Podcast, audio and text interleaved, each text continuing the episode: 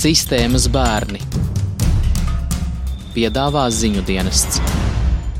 Latvijas radio uzmeklējusi HIV pozitīva sieviete, kuru raidījumā sauksim par Emīliju. Viņa vēlējās palikt anonīma.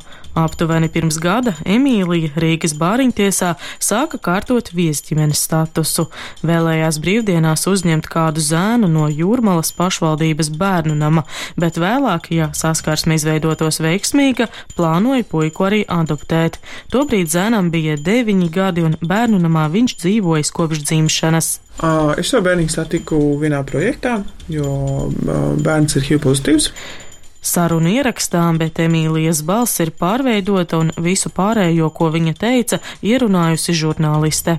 Es vēlējos palīdzēt, par cik es šajā tēmā esmu iekšā un tā tālāk. Vēlējos palīdzēt un sadraudzējos ar viņu un vēlējos kļūt par viesģimeni šim bērnam taču saņēma atteikumu. Sieviete vēl nesot gatava uzņemties rūpes par bērnu, uzskatījusi bāriņtiesa. Tikmēr pati Emīlija ir pārliecināta, patiesais atteikuma iemesls bijis HIV, ar ko viņa inficējusies pirms astoņiem gadiem. Mans vārds ir Vita Anstrate. Janvārī stāstot par ārpus ģimenes aprūpes iestādēs ievietotajiem slimajiem bērniem, atklājām, ka vairums HIV inficēto bērnu uzturas valsts sociālās aprūpes centros. Pašvaldību bērnu namos ievietoto bērnu skaits ar HIV ir salīdzinoši neliels. Toreiz intervēju infektoloģijas centra ārsti Valentīnu Sitkari, kas atklāja, Latvijā adoptēti vien trīs bērni ar HIV. Vēl daži aug auģu ģimenēs, bet vairums bērnu namos vai pie bioloģiskajiem vecākiem. Sabiedrības attieksme esot nepamatot aizspriedumaina, tāpēc par katru ģimeni, kas izrāda interesi un vēlmi uzņemt bērnu ar HIV, esot jāpriecājas. Fragments no arhīva. Pats galvenais viņam ir bailes un informācijas uh, trūkums un neliela nesaprašana. Viņi tādi paši bērni, viņi nedzīvo rezervātus, viņi apmeklē parastos bērnu dārzus, skolas. Daktere Sitkare jau divas reizes tikusies ar potenciālajiem auģu vecākiem un uzņemošajām ģimenēm, arī atbalsta kustības plecs telpās, stāstījusi, ka no HIV inficētiem bērniem nav jābaidās. Nepieciešamas vien individuālas higienas preces, nagu šķēres un zobu birste. Noklausoties Emīlijas stāstu, gan rodas jautājums, vai šādas uzstāšanās nav bezjēdzīgas, ja cilvēkam, kurš pauž gatavību adoptēt bērnu ar HIV, atsaka un kas šādā situācijā notiek ar bērnu? Emīlijai ir 30 gadi. Iepriekšējais partneris savu saslimšanu noklusēja un inficējusies arī viņa. Kopā ar dzīves biedru domājuši par adopciju un bērnu, kuram arī būtu HIV. Jo būtu pilnībā izslēgts risks par iespējamu bērnu inficēšanu un zinātu, kāda aprūpe nepieciešama, Emīlija saka, vajadzēja aptuveni gadu, lai saņemtos par pārdzīvoto kādam izstāstīt. Ejot tā kā es teicu, ka es vēlos kļūt par viesģimeni bērnam, kuram ir HIV status, es vēlos viņam palīdzēt. Es šos bērnus izprotu, un man ir ļoti žēl, ka šo aizspriedumu dēļ viņu neņem. Es domāju, ka tas būs tā kā bonus. Tad viņi tā kā nu, pētīja par mani visu, un tur izlaiž, ka es esmu HIV pozitīva. Sieviete stāsta par pieredzi bāriņtiesām. Konkrēto zēnu viņa raksturo kā ļoti aktīvu un mīļu bērnu. Viņu iepazinusi kādā ar darbu saistītā projektā un pēc tam regulāri ciemojusies Jūrmalas pašvaldības bērnu namā Sprīdītis ķemeros. Sadarbība ar institūciju veidojusies laba arī ar personālu un bērnu nama vadību, tomēr no bāriņtiesas saņēmusi atteikumu jau bāriņtiesas sēdē, kurā lemj par statusu, esot sajutusi darbinieku aizspriedumiem pilno attieksmi. Tā sēde izvērtās par tādu cilvēku pazemošanu vispār kā tādu. Jo manā skatījumā jautājums, kāpēc es mācījos psiholoģiju, bet strādāju tirdzniecībā, īsti neatiecas vispār uz bērnu adoptēšanu vai viesģimenes statusu. Man sēdē tika uzdoti par veselību neatļauti jautājumi. Tie jautājumi bija tiešām tādi, ka tur viss bija skaidrs. Es nesaprotu, ko tad īsti viņi grib panākt. Labāk ir, lai tas bērns dzīvo tajā bērnu namā nekā aug ģimenē. Es nesaprotu šo mērķi vispār bāriņtiesai kā tādai. Pēc bāriņtiesas sēdes sieviete pieprasījusi bāriņtiesas sēdes sarunu protokolu, kurā viņas prāta atspoguļotos subjektīvā darbinieku attieksme. Kad es saņēmu sēdes protokolu, kur bija uzrakstīts, kādi bija jautājumi, kādas bija atbildes, tur bija tīri tehniski. Vispār tur puse pat nebija uzrakstīta. Tie jautājumi, kurus nedrīkstēja vispār uzdot, protams, netika iekļauti. Es pieprasīju audio ierakstu, bet, kā izrādījās, gadu vai cik atpakaļ šie audio ieraksti tika atcelti un viņi vairs netiek veikti. Cerība viņam ir maza, ka viņu kāds adaptēs, jo parasti jau ņem zīdainīšus, vēl pie tam ar HIV statusu. Es uzskatu, ka mūsu bāriņtiesu sistēma ir sapuvusi no iekšpuses. Pēc atteikuma esot šķīrušies arī Emīlijas un viņas toreizējā dzīves biedra ceļi. Vai bāriņties zināt par viņas saslimšanu ar HIV? Nē, bāriņties rīcībā šādas informācijas nav bijis, un arī nav. Jūs tagad to sakāt.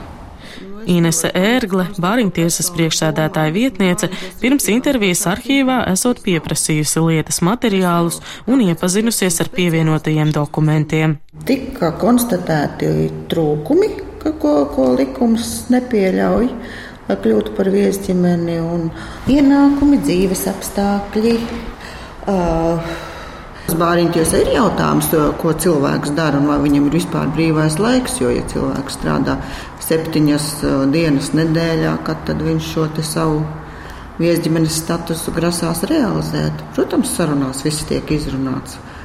Kā cilvēka darba un, un, un dienas un atpūtas režīmā var ienākt bērns, cik viņam var daudz šo laiku veltīt. Kas attiecas uz Emīlijas teikto par trūkstošu informāciju Bāriņtiesas sēdes protokolā, ērgli atbild protokolu veidojot tuvu tekstam iebrunātajam. Tā nav stenogramma, kurā iekļauj detaļas. Sēdes protokolā jautājumu par HIV nav, arī skaņas ierakstu nav, tāpēc par patieso situāciju radio nav iespējas līdz galam pārliecināties. Normatīvi akti paredz, jebkurai personai, kuras lieta tiek skatīta Bāriņtiesas sēdē, šo protokolu var trīs dienu laikā tātad iepazīt. Um, un iesniegt papildinājumus vai labojumus pie šī sēdes protokola. To Emīlija neizdarīja, tāpat neizmantoja tiesības pārsūdzēt bāriņtiesas lēmumu, kā arī iespējas novērst norādītos trūkumus un atkārtoti pieprasīt statusu. Halo! Sveicināti, vai es runāju ar vadību? Vēlos noskaidrot bērnu nama sprīdītes vadības viedokli, jo viņi vairākus mēnešus vēroja attiecības starp Emīliju un desmitgadīgo zēnu. Uh, nē, grāmatvedes tūlītās nonāks. Saka, ka direktori maijā devusies atvaļinājumā. Neviens cits interviju par konkrēto gadījumu sniegt nedrīkstot, jo juridiski nepārstāvot bērnu intereses. Izdodas sazvanīt bērnama direktoru Kristiānu Andersoni. Vienoties par tikšanos viņas atvaļinājuma laikā gan nesanāk. Atklāti sakot, es vispār negribu nekādas intervijas sniegt, jo šobrīd ir tik ļoti, es nezinu, tas tas, tas laiks tāds, nu, kā lai pasaka, nu, no visām pusēm tu nezini, kurā brīdī un kas, kas, kas. Jā, jo man liekas, ka Latvijā šobrīd vispār ir ļoti tāda nu, negatīva nostāja pret bērnamiem, un es tiešām negribētu liekt kaut kur, kaut kur šobrīd, nezinu, pozicionēties, ja tā var teikt. Apstiprina, ka konkrēto gadījumu atceroties. Man ir tikai un vienīgi viņas nostāsts par bāriņtiesu, jā, tā ir vienas puses informācija, jā, un līdz ar to man ir ļoti grūti, nu, teiksim, komentēt šajā situācijā. Es, protams, esmu par to, lai bērni sauktu ģimenē, jā, bet, bet, bet tur ir jāprasa bāriņtiesai, kāda acīm redzot bija šī iemesla, kāpēc tas, nu, tika, tika kaut kur apstādināts. Atgriezīšos pie raidījuma sākumā pieminētās statistikas un uzsvēršu, Latvijā adoptēti tikai trīs HIV pozitīvi bērni, tātad izredzes atrast ģimeni Latvijā patiesībā ir visai mazas.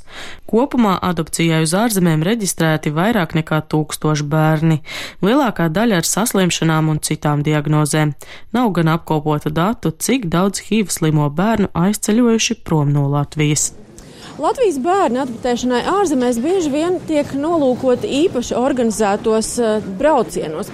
Latvijas televīzija un Latvijas radio decembrī bija klāt lidostā ļoti agrā rītā, lai novērotu, kā notiek bāreņu un juridiski brīvo bērnu sēšanās lidmašīnās, lai dotos ciemoties pie iespējams potenciālajiem vecākiem. Es arī esmu daudz bērnu satiks, piemēram, bērnamos, kuri nav smaidījuši. Daina Roze, viena no šo braucienu organizatoriem un advokātēm, uz jautājumu, vai bērni, kas dodas uz Ameriku, ir veseli, žurnālistiem atbildēja, ka starp viņiem ir arī kāds bērns ar HIV.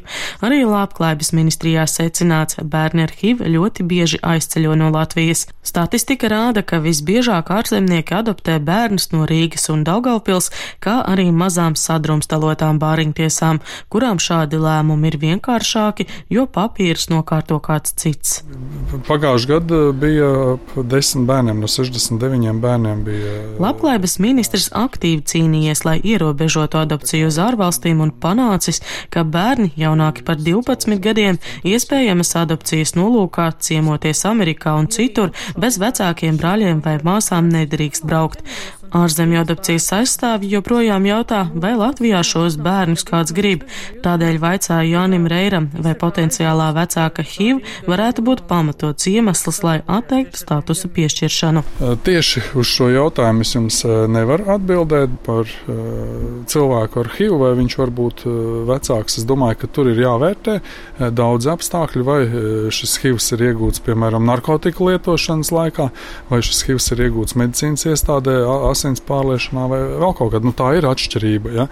Un es nedomāju, ka mēs gribētu nodot apgādībā bērnu cilvēkam, kurš ir uh, intravenozās uh, narkotiku lietošanas laikā uh, dabūjis sev šo slimību. Nu, loģiski, vai ne? Uh, līdz ar to uh, šeit ir bāriņu tiesai izvērtēšana par situāciju un par to pieļaut vai nepieļaut šādu gadījumu. Ne sūdzības no konkrētās mammas, ne par kādām citām līdzīgām situācijām ministrs nesot saņēmis un piebilst, ka Nav uh, likumisku uh, šķēršļu uh, liekt uh, adopciju vai uh, auģu ģimeni uh, šādai mātei. Konkrētajā gadījumā Emīlijas viedoklis paliek nemainīgs. Viņas prāt status atteikt tieši viņas HIV vīrusa dēļ. Viņš jau zina, tas puika ir bērnamā, vai viņam ir izdevies varbūt kādā citā ģimenē nonākt? Uh, ir puisīts mums bērnamā, jā. Protams, nevienam bērnam tas nav labākais variants. Atzīst bērnu nama sprīdītis direktore. Jautāju, vai Emīlija ir vienīgā latviete, kas par zēnu izrādīja interesi, un saņemu apstiprinošu atbildi. Tālāk sarunā vaicāja, vai kāda ārzemnieku ģimene interesējusies par puikas adopciju. Ir šobrīd. Šobrīd ir man tāda informācija, bet nu, es arī neko, neko konkrēti negribētu tagad teikt. Iespējas papildināt bāriņtiesas sēdes protokolu vai tās lēmumu pārsūdzēt Emīlija neizmantoja. Viņai gan joprojām ir tiesības novērst atteikumā norādītos trūkumus un atkārtot vērsties bāriņtiesā, bet vēl nezina, vai tam ir emocionāli gatava. Tikmēr zēns, kuram ir HIV pēc Emīlijas teiktā, bērnu namā dzīvojot kopš dzimšanas un viņam ir jau desmit gadi. Vita Anstrate un Krišjāns Tikāns ir šī raidījuma autori darbības vārds īstenības izteiksmē izsaka darbību kā realitāti - tagadnē, pagātnē vai nākotnē, vai arī to noliedz.